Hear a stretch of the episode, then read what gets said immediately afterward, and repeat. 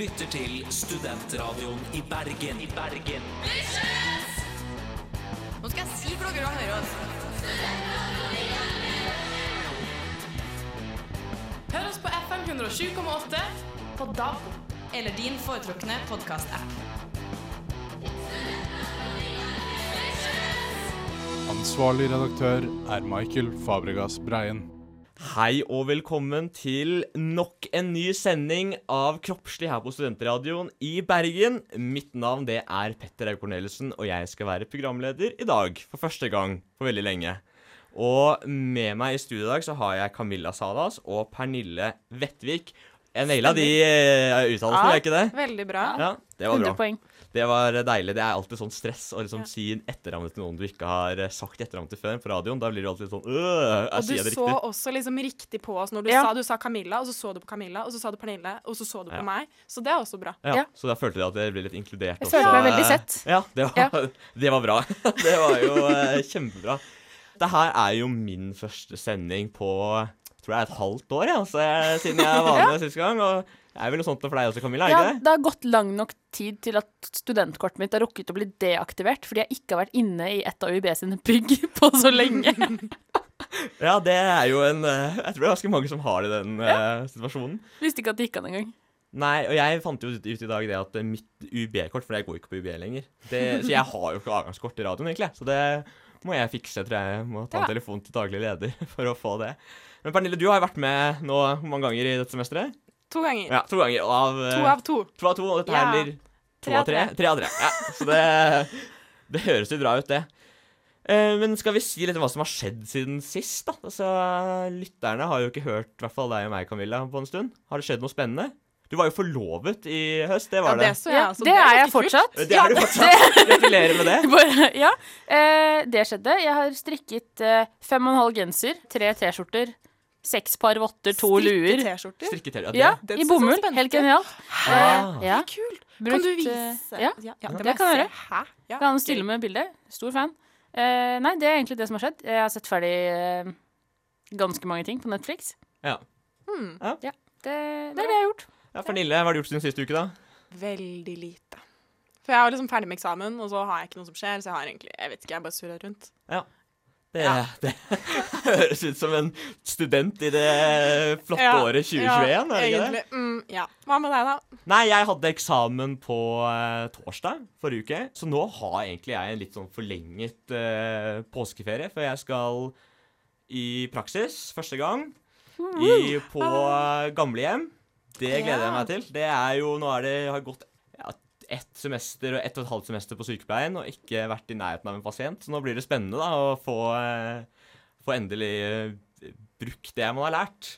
Eh, men det, selv om det blir nok veldig mye tørking av bæsj og skifting av sengetøy Men det er så koselig å jobbe på gamlehjem. ja, ja, altså, Jeg har jo ikke noe erfaring med det. Det så- var min første sommerjobb. ja, Da jeg var sånn 14. ja.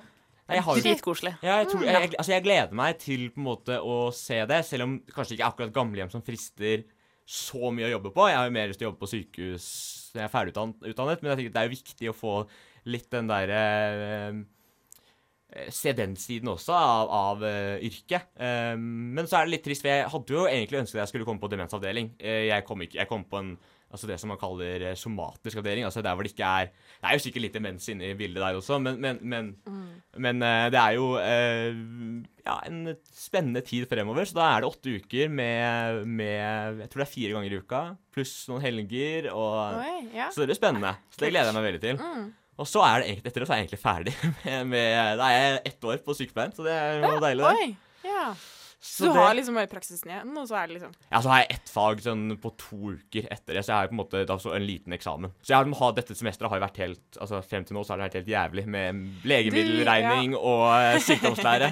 Og jeg strøk yeah. på legemiddelregningen, så det må jeg ta opp igjen. Jeg fikk bare én feil, da, men det er alt det, alt det, man, man må jo få alt riktig. OK. Så det er- ja, If not someone can die. Ja, det er veldig riktig. Så Mm, da ja. Men jeg, jeg skal sette meg ned og få fiksa det. Ja, det, klar, det går sikkert bra. Ja, det går sikkert bra. Det er ikke, altså, det er pluss og minus og gang og del. Det er bare så drit lenge siden jeg har hatt matte, for å si det sånn. Jo, men jeg merker det også. Men, Ja. Altså sånn enkelmatte, prosentregning, alt mulig sånn. Jeg kunne jo matte, men Mm. jeg vet ikke hva som skjer. jeg tror jeg aldri egentlig kunne matte, men oh, ja. eh, jeg greide meg til fire, husker jeg, i andre klasse. Men jeg tok en, jeg tok en lett, tok P, men eh, sånn er det. Men dere, det har jo, vi har jo egentlig passert hva man kan si et jubileum. Og jeg vet ikke, Det er ganske sikkert mange som vet hvilket jubileum, men det er jo da Nå er det over ett år siden Norge stengte ned for første gang. Ja. Det er, har gått fort, syns jeg. Gått fort og sakte samtidig. Eh, Ja. Ja, det er sånn hver dag har gått så jævlig sakte. Ja, Men tiden har gått veldig, veldig fort. ja. Plutselig, Så det liksom. er jo bare et år med sånn grå masse som bare Som bare har vært der, liksom. Ja. Det er, det er, altså, og så føler jeg det at uh, I hvert fall som studenter, da, så har det på en måte vært Man har på en måte gått inn i en sånn rytme med Ja, at man ikke er på skolen, man sitter mye hjemme. eh, og at man har kanskje en litt sånn der rar eh, Rar hverdag, bare, for å si det enkelt. Altså, det er en i hvert fall jeg syns det er jævlig merkelig. Jeg har vært på skolen én gang dette, dette semesteret. Og da hadde vi stikk, og vi skulle stikke hverandre og legge inn uh, sprøyter og sånn. Det var dritgøy. Men uh, ellers så har det på en måte vært alt fysisk undervisning. Eh, Alle har, har vært borte. Alt har vært på Ja. nettet. Jeg føler nesten jeg har blitt litt for komfortabel. Jeg Litt sånn hva, hva skjer når jeg plutselig må liksom Ja, opp det- og ut og bevege Må stå på opp meg. og ja, ikke sant. Ja. Nei, men stå opp, det gjør jeg. Ja, nei, det kjente jeg sykt på. Jeg har jo også heller ikke hatt noe liksom, egentlig undervisning fram til eh, slutten av januar. Og da gikk jeg ut i praksis åtte til fire hver dag med, liksom, på kontor med mennesker. Og det var sånn, Jeg måtte finne ut hvordan jeg kledde på meg igjen, liksom. Bare sånn hva, Hvordan bruker man genser og bukse så det ser fint ut? For jeg har bare gått i liksom pysj eller joggebukse hver dag, liksom. Det var en, eh, en kompis av meg hjemmefra. Han fikk da eh, var en som la ut 'gratulerer med ett år med å ikke bruke jeans'. For han tror ikke han har brukt jeans siden, eh, siden korona startet. Han har bare gått hjem i pysjbukse. Det har jeg også gjort. Altså det, det er jo litt den der eh, at man sitter hjemme, da. Men, eh, men eh, det som blir deilig med at jeg skal ut i praksis, er at jeg får en, da får man faktisk en litt sånn eh, Du skal jo gå i pysj. Jeg skal jo gå i pysj, jeg, får første, på jobben. Men så er det deilig at du får litt rutiner. For det er jo det, det, er jo det som på en måte har vært eh, Jeg tror det er mange som sliter med å liksom ha litt den der rutinefølelsen. Men er du dårlig på det? Eh, Ja, jeg har ADHD i tillegg, så jeg, da, da, jeg har det, Og da er jo rutiner noe som man trenger, men man sliter litt med å lage disse rutinene. Ja. Så jeg har jo kjent det at jeg har vært, måtte vært veldig streng med meg selv og lage sånne timeplaner og sånn. Altså, jeg kan ikke si at fra klokka ti til klokka tolv så skal du sitte og lese. Og da gjør jeg det, ikke sant. Men Ja. hadde jeg ikke hatt det, så hadde det vært eh, hadde jeg ikke gjort det, da, så tror jeg det hadde vært veldig vanskelig. Ja. Så jeg gleder meg til å få en sånn rutine, selv om sikkert søvnrytmen og sånn blir litt fucka. Det var så knekken. Og det er sånn, jeg har stått opp liksom, ja, ok, jeg sover kanskje en time eller to lenger enn det jeg vanligvis ville. liksom, Stått opp i ni-ti-tiden istedenfor sju-åtte. Ja. Uh, men uh, bare det å liksom gjøre ting hele dagen. Og det, var så, det blir så sykt mange inntrykk når alt du er vant til, er liksom din egen leilighet, det du finner på Netflix. Og så er det bare sånn alle disse menneskene, de ser på meg, jeg må finne ut hvordan jeg snakker med folk, hvordan er det man er sosial med liksom For én ting er jo vennene sine, de er man jo vant til, men sånn å henge med liksom kollegaer Ja, det Det var bare sånn Men vi, jeg ser at vi, Ja. kunne, vi kunne snakket om korona i, i eh, Et år. Et år, ikke sant? Det kunne vi. Men det er jo ikke det som er tema i dag, for i dag så skal vi nemlig snakke om traumer. Eh, og hva en traume er, og litt om eh, forskjellige typer traumer og behandling. Og skal vi ta, litt- sviper vi innom korona litt på slutten av sendingen. Studentradioen i Bergen. srib.no.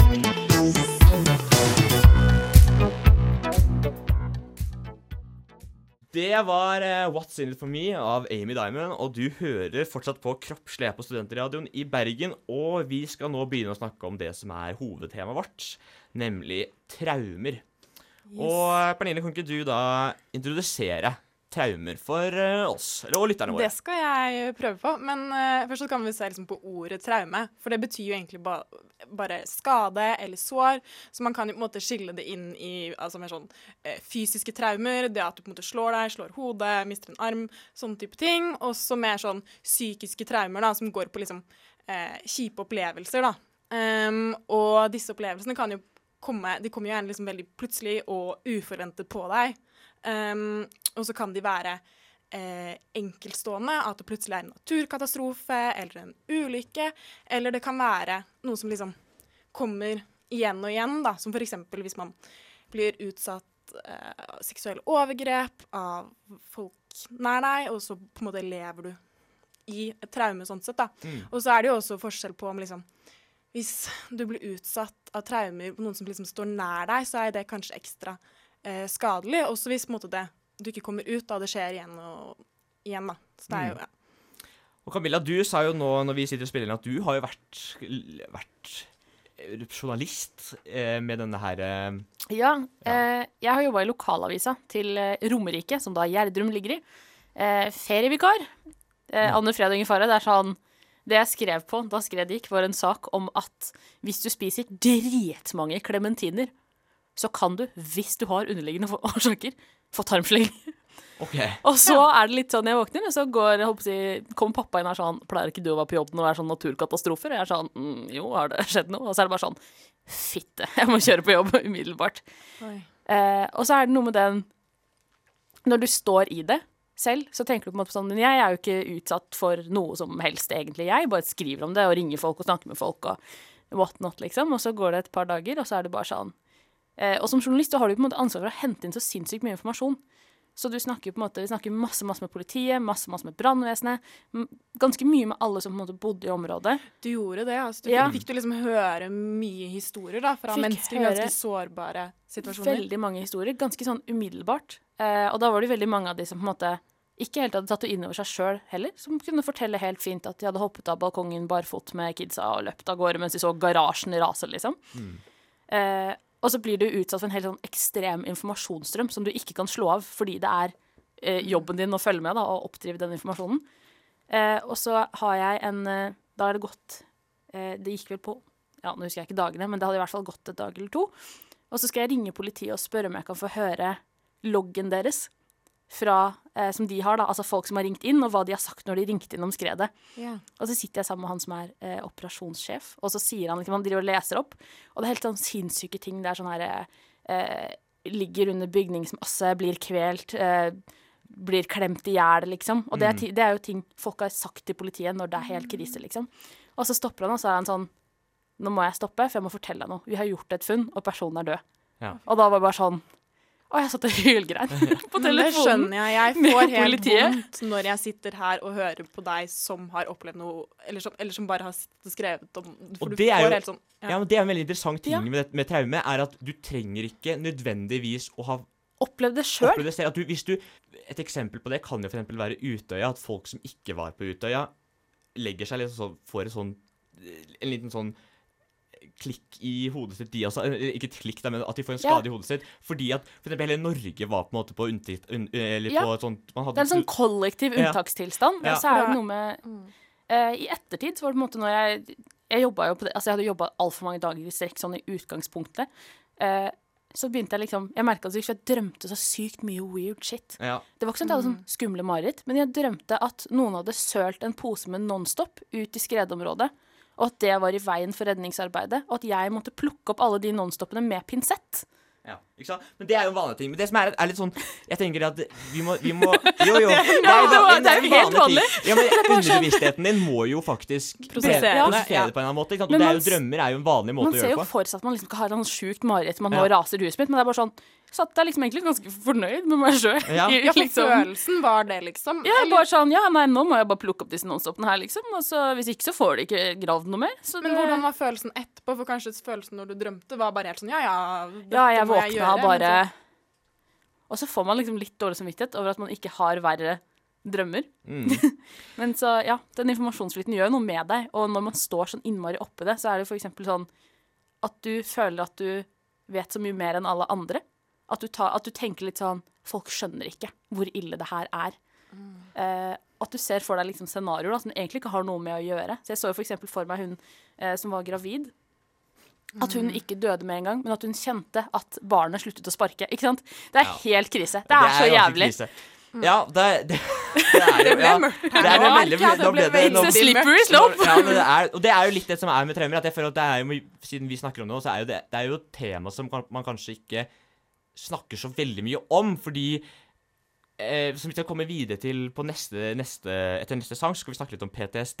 Eh, og snakke litt om hva det er. For man får jo på en måte sånn inntrykk av gjennom media, gjennom spesielt kanskje film og eh, Mm. og, og um, eh, ja, Ja, te- pop culture, liksom. Ja, Ja. Men jeg tenkte vi skal si litt sånn at man er jo ikke litt om hva statistikk, da. Altså forekomsten av en traumatisk hendelse. Det er jo veldig vanskelig å definere hva det er. Og vi klarer jo ikke helt å si hvor mange mennesker som, som har opplevd det, har på en måte problemer med en traumatisk hendelse.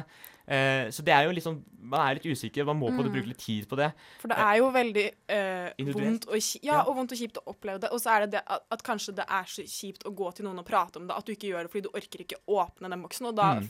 oppdager man jo kanskje ikke de menneskene heller. Nei, ikke sant? Det Så er er, jo det, ja. så er det kanskje ting som ikke er så åpenbart at det behøver ikke å være en naturkatastrofe. Det kan være at du blir dumpa, liksom. Ja. Det kan du oppleve som et ekstremt traume. Noen vil kanskje oppleve at det å bli liksom klaska på rumpa på byen er helt jævlig for dem, mens andre syns det på en måte ikke reagerer noe særlig på det. Da. Så er det jo megaindividuelt hva man på en måte Mm. håper jeg, sparer i traumeboksen. Ja, da har vi på en måte gått litt gjennom hva en traume er, og litt forskjellige ting. Og så har vi hørt Camilla sin uh, My traumas! Ja, ja, ja, Vær så god. ja. eh, nå skal vi høre 'Famous' av eh, Kanye West, og etter det så skal vi snakke litt om eh, PTSD. Du hører på en podkast fra Studentradioen i Bergen. Flere podkaster finner du på srib.no. Ja, du hører på Kropp til studentradioen i Bergen, og vi snakker da om traumer. Og nå skal vi gå inn i eh, det som kanskje de fleste tenker på når de hører eh, ordet traume, nemlig eh, den lidelsen som heter posttraumatisk stresslidelse. Eh, eller oftere da forkortet til PTSD. Men før vi begynner, så er det sånn Det er litt viktig å skille litt mellom hva ulike traumatiske hendelser er. Altså, et skille er en traumatisk hendelse som er, litt, som er noen andre har gjort noe mot deg, f.eks. ved en krigssituasjon. Eller da det som kalles en tilfeldig traume, som er en form for Hvis du har opplevd en naturkatastrofe eller en ulykke. Og så er det litt viktig også det å skille mellom at Eller si det at det er veldig Et, et traume som blir eh, Som du får fordi at noen som står deg nær, gjør noe mot deg, er eh, en såkalt relasjon, relasjonær traume er jo en, noe som kanskje kan, spesielt hvis personen er yngre som opplever dette, kan skade veldig mye. Og det er jo da f.eks. familievold eller incest. Eh, som er en form for ting som kan, utlø eller som kan utløse en form for traumatisk hendelse. Og som Også- kanskje også er ekstra skadelig, fordi man er ung, og man er i utvikling, og man skal på en Mm. måte Eller ikke finne seg selv, men altså sånn Ja, Ja. utvikle seg. Hvem, hvem Det er en er del ting som skal på plass i hjernen. Ja, liksom. identiteten din og, Og det er jo ting. litt det som er. Og så er det det at uh, å skille liksom mellom ting som er altså en enkeltstående traume, eller hvis du for eksempel, hvis du opplever et terrorangrep, så er det en enkeltstående traume. Hvis du blir voldtatt eh, gjentatte ganger i, i ung alder, så er det en traume som gjentar seg flere ganger, og kanskje vil, kanskje vil eh, skade mer. Eh, og de all, men når vi snakker om dette her, så er det jo da at vi går inn på det uttrykket PTSD, og det er jo nok alle, en diagnose som de aller fleste har hørt om. Eh, og den, for å ta det litt i historien, så ble jo det så begynte man å se det blant soldater som returnerte hjem fra krigen, eh, fra første verdenskrig, at eh, de hadde ukontrollerte sånne rykninger i kroppen, eh, og var helt mentalt helt ødelagt. Og man kan jo tenke seg at de levde jo, også disse mennene som levde i skyttergravene under konsta konstant frykt om å bli drept. De levde i umenneskelige kår, og det var ganske voldsomme Ganske vanskelig voldsomme greier. Og så når de kom hjem igjen og skulle da returnere til det sivile hjem, så fikk jo denne diagnosen det de kalte granatsjokk. Altså det var det de kalte den diagnosen. Det har man gått bort fra å kalle det nå, men fordi at de hadde vært så, ut, ut, så utrolig intense eh, situasjoner. da. Og det er jo litt det som at det, den, når, når psykologien og medisinen utviklet seg, så begynte man da å kalle det istedenfor eh, posttraumatisk stresslidelse. Eh, eller PTSD, eller posttraumatisk stressyndrom. Altså det, det er jo en lidelse som er ganske litt sånn vanskelig å definere også. Det er jo en grunn til at du går mange år for å bli psykiater og psykolog for å finne det, men det er jo De vanligste symptomene er jo da et sterke minner om den traumatiske hendelsen. Det er jo det at den kommer tilbake, og så føles det nesten ut som du opplever det igjen. Da. Så du er liksom Mm. ikke ferdig, ja, ferdig med det, på en måte. Nei, for det er jo litt det som når Camilla, du snakket jo forrige om, om det du hadde opplevd eh, under det skredet i Gjerdrum.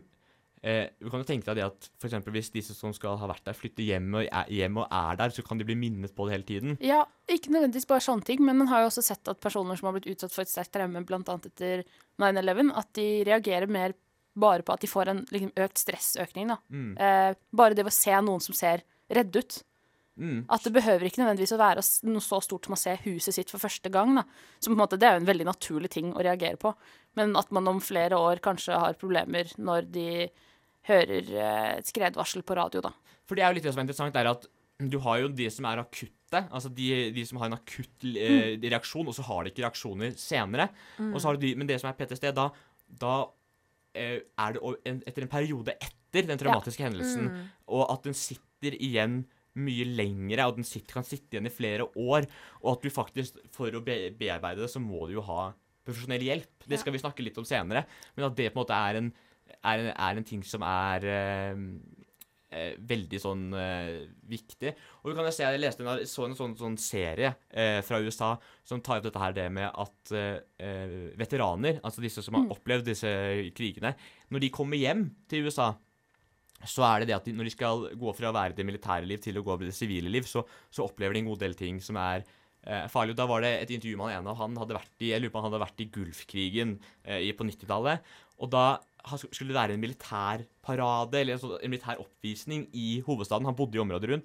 Og når han hørte lyden av jagerflyene som fløy over Washington, så plutselig var han tilbake i Irak, da, og hadde da, gikk da i en totalt sånn altså psykoselignende tilstand. For man klarer kanskje liksom ikke eh, skille helt mellom når det på en måte er trygt og når det er utrygt. Det føles mye mer utrygt hele tiden, da. Mm. Og det er jo noe med hvordan man på en måte kobler sanseinntrykkene mot minner. da. Hvis man tenker sånn, ok, på, hvis jeg lukter sånn skikkelig sånn wienerpølselukt, så tenker jeg 17. mai med en gang. Mm. At det er på en måte noe tilsvarende. At du har noen på en måte så sterke minner at det skal veldig lite til for å plukke de fram igjen. Så det er jo gjerne det man tenker når man snakker om PTSD, er jo eh, soldater som reagerer på ballonger som sprekker fordi det minner de om en granat eller en bilbombe eller hva det måtte være. Men Mm. det kan jo også være at hvis kjæresten din har vært utro, Ja. og så har dere slått opp, og så lukter du parfymen hans når du går forbi Kix, Mm. at det trigger en reaksjon hos deg. Da, at det trigger en liksom, angstreaksjon. Det ser du på denne, Jeg tror Helene sjekker inn på sånn traumebehandling. Så var det en jente som satt der, og hun hadde vært utsatt for et overgrep. Og det som trigga henne, var at hun satt på en stol, og så hørte hun en sånn lykt falle og knuse. Da gikk hun rett tilbake i, til det For det skjedde Oi. da tydeligvis under overgrepet, da. Så det kan på en måte være sånne ting også, bare sånne helt sånne eh, banale ting som vi mm. altså, som vanlige, Altså de som folk ikke opplevde. Eh, Men som hvis- de liksom assosierer med, Assosierer med overgrepet, da, ikke sant?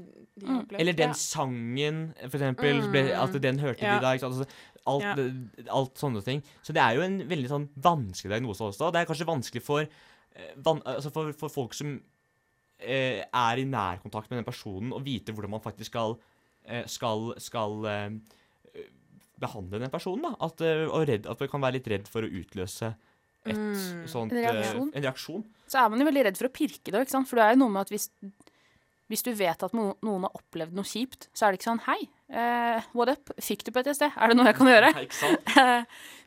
Og så uttaler seg så sint på så sinnssykt mange måter. Jeg vet om en soldat som har vært i Afghanistan, som har fått kronisk hikke som en del av sin PTSD-diagnose. Mm. Sånn at det utløser bare så sinnssykt mye forskjellig i folk. Og det er det som er spennende med psykologi, da, altså, og sånne ting det, er at man har jo ikke noe helt sånn klart svar på hvorfor noen utvikler det. Man kan jo si at det er kanskje noe med genetikk, altså at, at man, eller at man, hvis det skjedde i tidlig alder, men man vet liksom ikke hva som gjør det at eh, en soldat kan, eller to soldater som var på samme oppdrag, hvor én kan komme hjem, klare den overgangen kjempefint.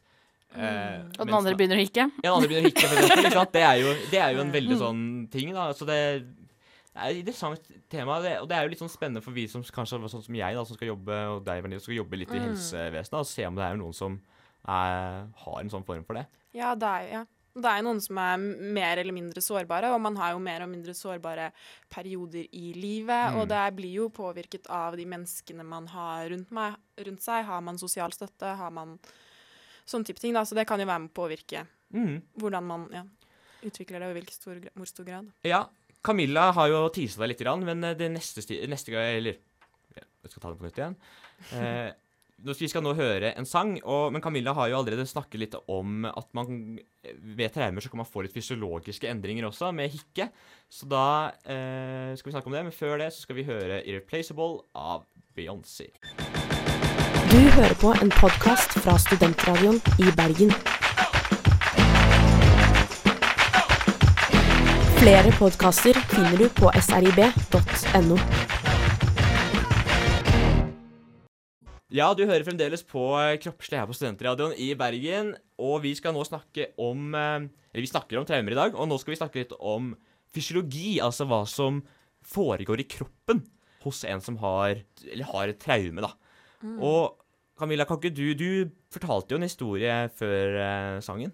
Kan ikke du bare minne oss litt på den? Jo, det er altså Jeg har en samboer som har jobba i Forsvaret, så nå har jeg en del gamle kollegaer da, som har jobb, vært ute på Intops, som de sier så fint. Eh, blant annet en som har vært i Afghanistan. Eh, og han har jo fått PTSD. Han har jo opplevd masse drit, liksom. Det er jo krig, så det er jo å forvente. Men han har eh, også fått et ganske tydelig fysiologisk symptom, og det er at han har fått kronisk hikke. Ja. Sånn bare sånn av og til. Men alltid siden så kommer det et veldig høyt hikk. Ja. Det er jo en veldig sånn Det er ikke det, det man Det er veldig nisje, liksom. Ja, det, men det er Det er ikke det man tenker på. Altså, sånn, du kan jo si det sånn, hva er de mest sånn Er de mest vanlige? Eh, fordi det er jo en ting som ikke jeg har hørt om før, i hvert fall.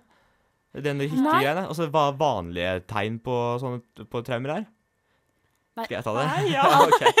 Hva sikter ja, til?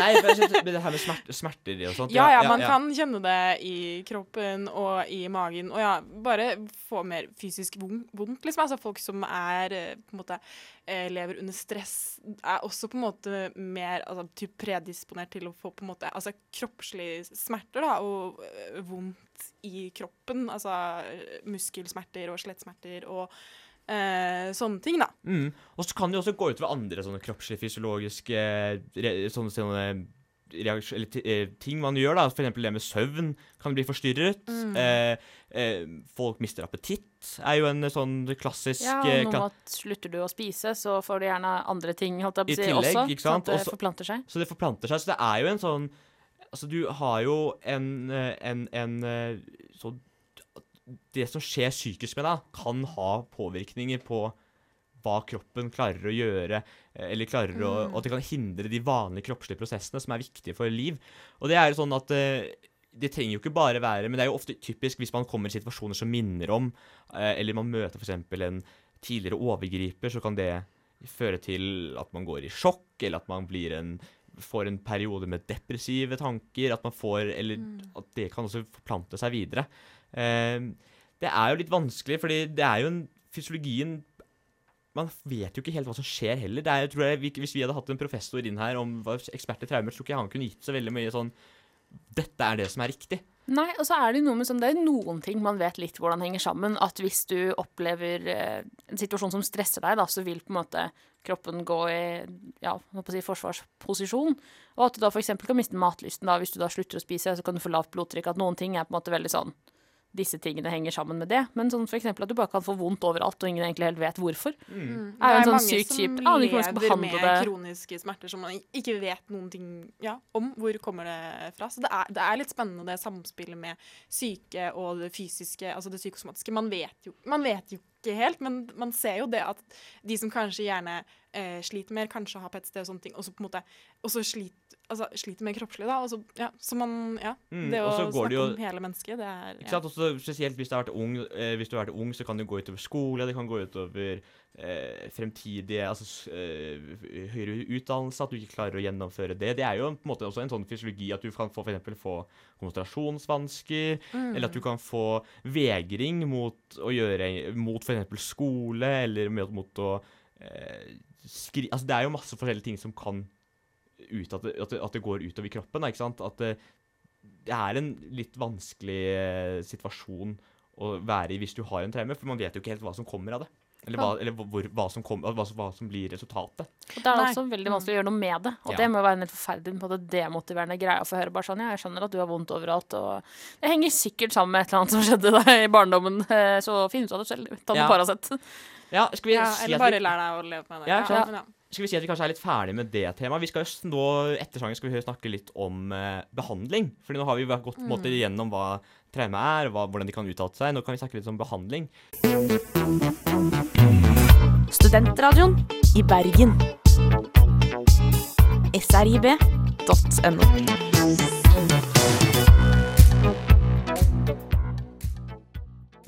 Ja, du hører fremdeles på Kroppslig her, i, her på Studentradioen i Bergen. Og nå, den, i denne sengen har vi snakket om traumer, og nå skal vi snakke litt om behandlingen av traumer. Og i kjenneplanen så har jeg sett, satt eh, behandling, og så mange spørsmålstegn. Eh, for det er jo en litt sånn det man gjør med psykiske lidelser. Hvordan er det man egentlig skal behandle dette her, Camilla?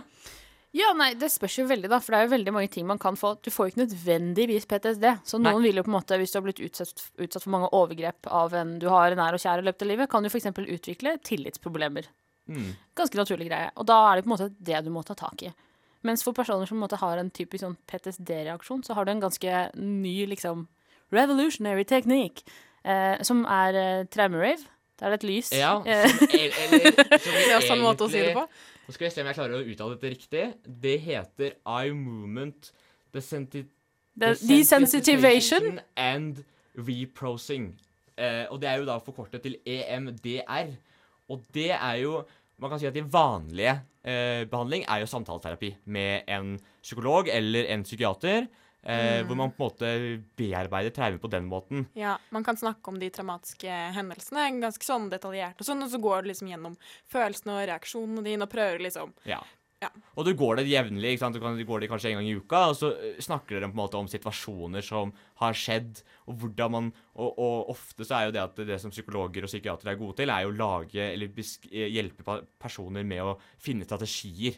Sant? Altså, eh, hvis du finner at du blir stressa, kanskje du skal gå deg en tur, eller eh, bli flinkere til å gå vekk fra situasjoner. altså Være mer eh, være mer enn en, en, lære det, ikke sant? Også traumatiske. Ja, og det er liksom bare tenke annerledes på situasjonen, da, og gå ut av de mønstrene man, Ja. tankemønstrene man tidligere avbryte, har hatt. ja, avbryte tankemønstre og sånn. Mm. Men så har du jo det som eh, så fint ble kalt uh, PTSD-rave, var det ikke det? Traumerave. Traumerave. Ja. rave. Og det er jo egentlig ganske nytt. Det er jo det at mens du sitter der med en psykiater så, eh, og snakker om traumet ditt, så ser du på et lys som går på en sånn, eh, en sånn linje som går frem og tilbake.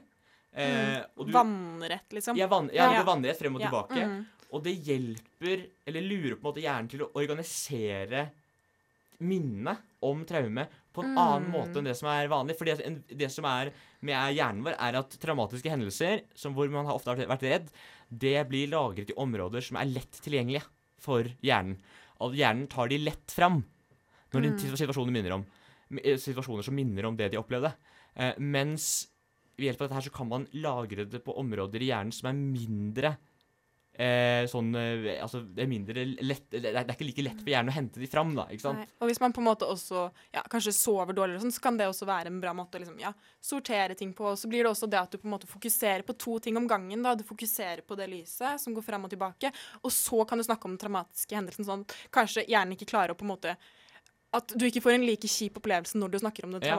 hendelsen, fordi du også på en måte samtidig må fokusere på, den, eh, Ja, for det på det lyset, da. For det står her på, det er inne på en sånn nettside for noen som driver med det, og det er det at eh, du blir på en måte distrahert mens du snakker, og, snakker, om, eh, snakker om den traumatiske hendelsen.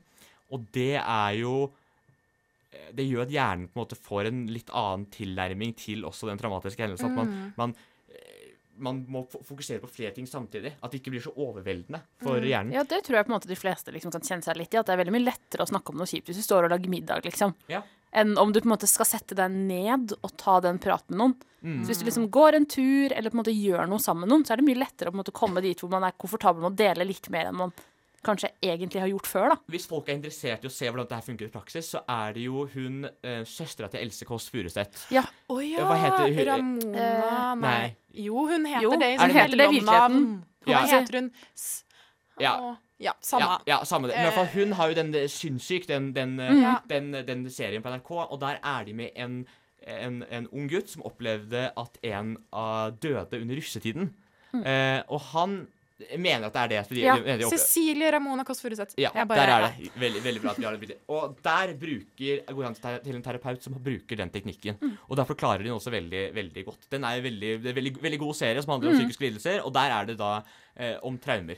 Og den er, den er veldig god, den. Og da får du se litt av det. Jeg har en som jeg kjenner som også har brukt det litt, grann, opplevd traumatiske hendelser, og hun har også hatt veldig god effekt av det. Og så har man jo kanskje gått litt bort ifra den liksom gamledagse tanken om at uh, eksponeringsterapi alltid er det beste, da. Ja. At man på en eh, måte, hvis du opplevde noe kjipt i rusttida, så ikke hoppa taket på en russebuss for å på en måte oppleve det igjen. Nei. Eh, men at man på en måte It's a process, og man må ta alle stegene Men før for noen så er det jo det at, at det kan fungere. For eksempel Ja. som hun, den, med hun jenta som jeg snakket om, som opplevde at den Mm. knuste. At det, at for å venne seg av at den situasjonen er farlig. At det ikke er farlig. Ja, sånn at man ikke kobler de to hendelsene tiden sammen lenger, da. ja. Mm.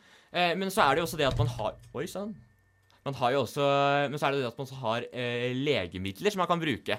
Og det er jo for eksempel, det er jo den klassiske antidepressivaen eh, man kan gå på eh, for å hindre depresjon. Eh, for det som er en vanlig tegn, eller vanlig følge av, eh, folk som har traumer.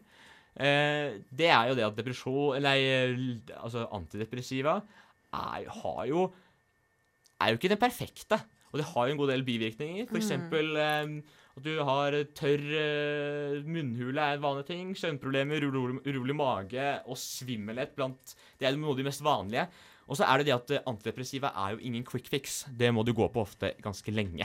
Og du går aldri på antidepressiva uten å gå i eh, en eller annen form for terapi, mener jeg. At man skal gjøre det. Det kan hende at noen som går på lave doser, ikke gjør det, men, men altså det, du skal bruke det samme med, med en form for terapi, da. Mm, For å også faktisk jobbe gjennom ja, grunnen til ja. at du går på det, ikke bare liksom ja, Ikke bare for at det skal og- og- medisinere deg Og ned. det som Liksom. er at antidepressiva har den effekten at det tar bort de dype, dype følelsene, altså de negative, dype negative følelsene, men tar også, også bort eh, de gode Ta bort ytterpunktene, ytterpunktene av måte følelseslivet. Det jo et, mange vil jo kanskje si at det er litt dumt, men sånn er det. Altså Det er en effekt av det. det, Mm. det, er, det, så det er et virkemiddel, men man skal Jeg har selv gått på antidepressiva flere, i flere perioder, og det er jo en, en rar eh, følelse, og spesielt når du skal slutte med det, for da er det jo kommer det plutselig masse følelser opp igjen. ikke sant? Så man må være litt Ja, hvordan forsiktig. er det? Det er litt merkelig å forklare, men det er det at Mm. man har på, det legger på en måte lokk på følelse, noen følelser. Mm. Så, når man går til terapi samtidig, så um, så, så jobber du deg gjennom så du klarer det. Men jeg har jo aldri gått på store doser. Men hvis du, jeg kan ha hørt om folk som har gått på veldig store doser, og så har de sluttet på det på eget initiativ, og da blitt drit, dritdeprimerte. ikke sant? Fordi Ja, for det skal man jo gjerne Nei. gjøre sammen med Ja, og du skal- du skal- Ikke gjør det ja. Sjøl. nei, Don't ned. eh, DIY ja. uh, antidepressiva. Du skal trappe ned. Og så er det det at hvis man Sånn som vi skal si da, Hvis man har, eh, har eh, behov for å snakke med noen, så er jo alltid Mental Helse sin telefon er jo mulig å snakke med. Ja. Eh, og så er det jo det at eh, man må på en måte kontakte altså hvis, Det er jo Hvis man har venner man er bekymret for, eller man har folk, altså folk man vet om som er bekymret så er det alltid mulig å ta en samtale. Og terskelen er lav. Ja. Lav, lav, lav. ja.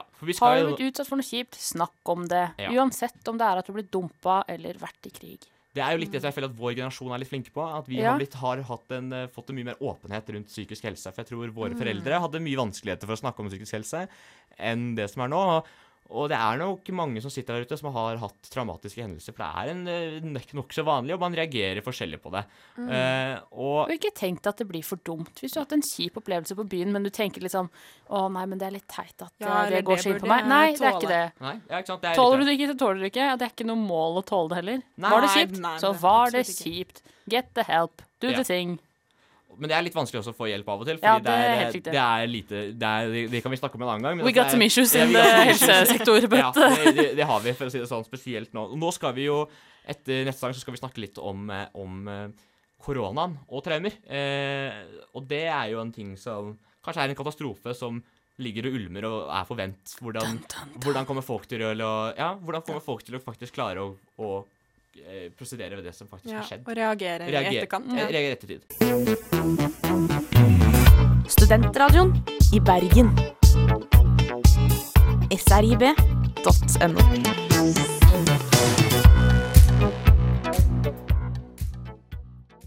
Ja, du hører på Studentradioen i Bergen, og vi har nå snakket om eh, traumer. Og nå skal vi snakke om koronatraumer. Sånn som vi, vi begynner sendingen, sånn som vi egentlig avslutter den. Med å snakke om eh, situasjonen. Og det er jo litt interessant, for vi har jo nå sittet og sett litt når vi forbereder oss til denne sendingen, og sett litt på hva som eh, har skjedd i dette året vi har gått. Og er det ikke, Camilla, at du Vi fant jo en artikkel nå som handlet om sykepleiere og korona. Ja. Det er én av fire, var det det det var, av eh, sykepleiere har eh, symptomer på ja, PTSD, da, etter Mm. å ha jobbet i eh, pandemi.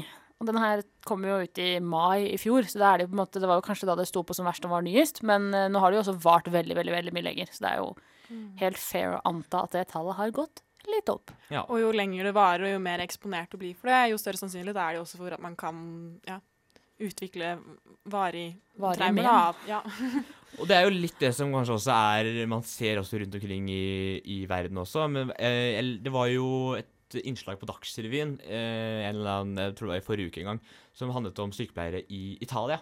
Og da var det en som sto frem og sa det at hun hadde jo blitt ordentlig dårlig og hadde trengt hjelp. Og siden man ikke skal møte så mye mennesker, så måtte hun ha da konsultasjon med en psykolog over Skype. Og så var NRK med på første gang de møttes etter, altså kunne møtes da.